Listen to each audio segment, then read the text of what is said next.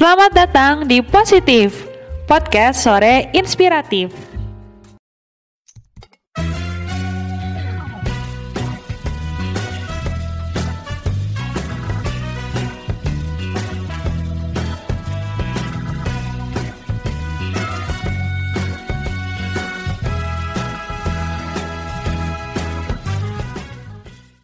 Halo, gimana nih kabarnya Solatif?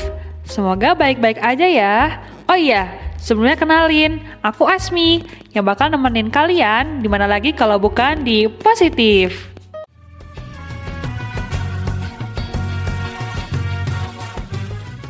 Oh iya Solatif, pernah gak sih kalian berpikir kalau hidup ini tuh gak adil? Kadang suka mikir gak sih, kenapa kok hidup kita gini-gini aja, gak kayak si A, si B, atau si C?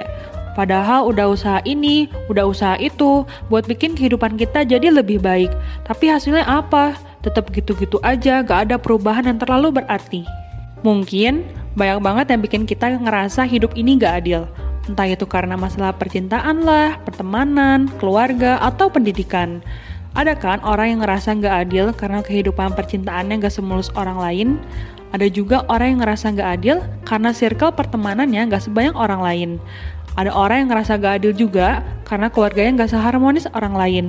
Atau ada yang ngerasa gak adil karena pendidikannya tidak setinggi orang lain. Bicara soal hidup yang gak adil, erat nih kaitannya dengan privilege. Iya, privilege itu hak istimewa yang dimiliki sama seseorang. Karena dengan privilege, seseorang itu bisa melangkah lebih maju dari orang lain.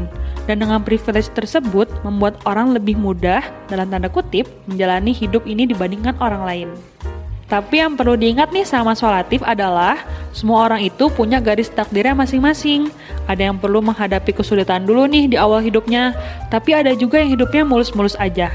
Kadang kita suka lupa kalau semua orang itu punya privilege-nya masing-masing, cuma suka nggak nyadar aja. Kadang kita juga suka nggak sadar nih kalau ujian yang datang itu sebenarnya karena kita punya privilege berupa ketahanan terhadap ujian. Namanya aja manusia, kalau lagi susah, rasanya seperti orang paling malang sedunia, sampai lupa nikmat yang dipunya. Maka dari itu, yang perlu diketahui sama solatif adalah semua orang itu punya garis startnya masing-masing. Mungkin ada yang jalannya lebih lambat, dan ada juga yang jalannya paling cepat. Tapi semuanya punya kesempatan untuk berlari. Gak peduli di mana garis start itu berada, manusia tuh bisa berlomba dan bisa memenangkannya.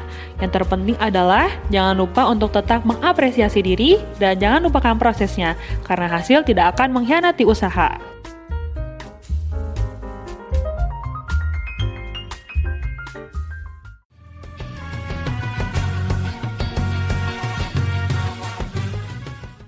Kayaknya cukup segini dulu kali ya episode kali ini.